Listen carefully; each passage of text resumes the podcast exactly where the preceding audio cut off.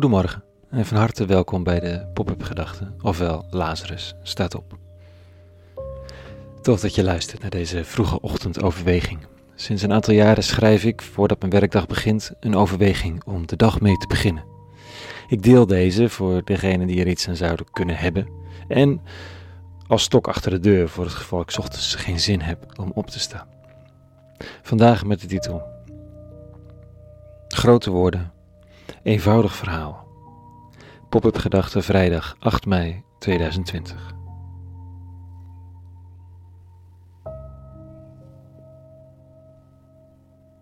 Er hangt een lichte mist over het land. De zon komt op en alles krijgt een wazig groene gloed.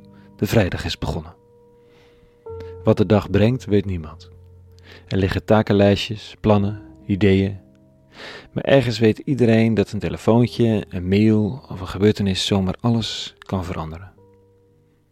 We leven alsof dit niet het geval is, alsof we kunnen plannen en rekenen met de gang van zaken. Dat is natuurlijk ook zo. En hoe moet je anders leven? Maar ergens zouden we kunnen weten dat we maar zo weinig weten. Een vermaard psychotherapeut, wiens naam even niet te binnen wil schieten vanochtend, schreef dat dit de tragiek van de mens is. Dat hij tot, of zij, tot zo waanzinnig veel in staat is, zulke grote plannen kan maken, zoveel macht kan vergaren, zo ongelooflijk veel in beweging kan zetten, een god op een troon. En dat hij of zij tegelijk ook altijd zal moeten poepen. Voor hem was dat het meest aardse, kleinmenselijke beeld dat er bestond. Of dat een virusje hem of haar kan vellen en dan is het opeens voorbij. Zoals de oude teksten zeggen, u hebt de mens bijna goddelijk gemaakt. En tegelijk zijn de dagen van mensen als het gras dat meegevoerd wordt in de lucht zodra de woestijnwind erover waait. Wat heeft het voor gevolg, die ongebreidelde potentie en die immense kwetsbaarheid? Waar moet dat de mens toe brengen? Vandaag schrijft een van de dichters uit het vroege Joodse volkje deze tekst. Het is een zinnetje gericht aan alle heersers in de wereld. De man had nooit kunnen vermoeden dat dit zinnetje nog eens in alle talen de hele wereld over zou reizen. En toch zei hij het.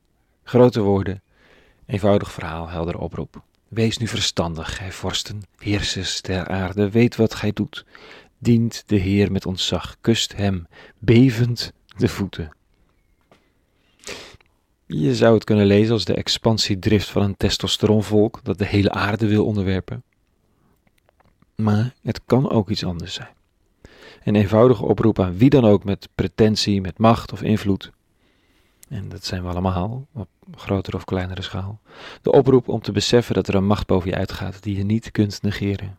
Sterker nog, een macht die je gevraagd wordt om te dienen.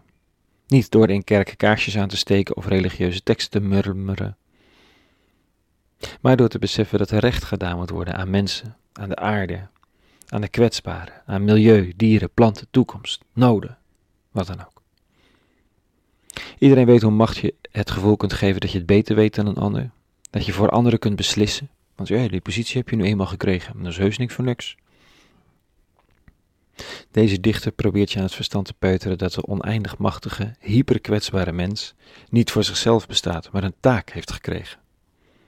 En dat de vraag zal zijn, wanneer macht aanzwelt of afbrokkelt, heb je recht gedaan?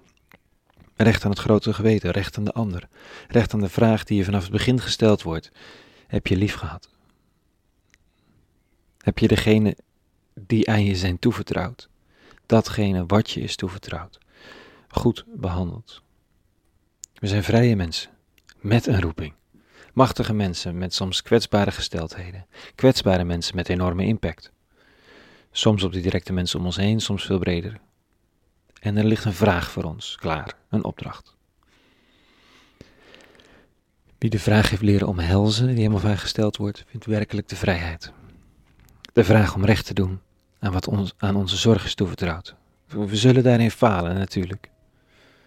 Maar zullen we dat erkennen en veranderen en doorgaan op de weg, een beetje wijzer geworden?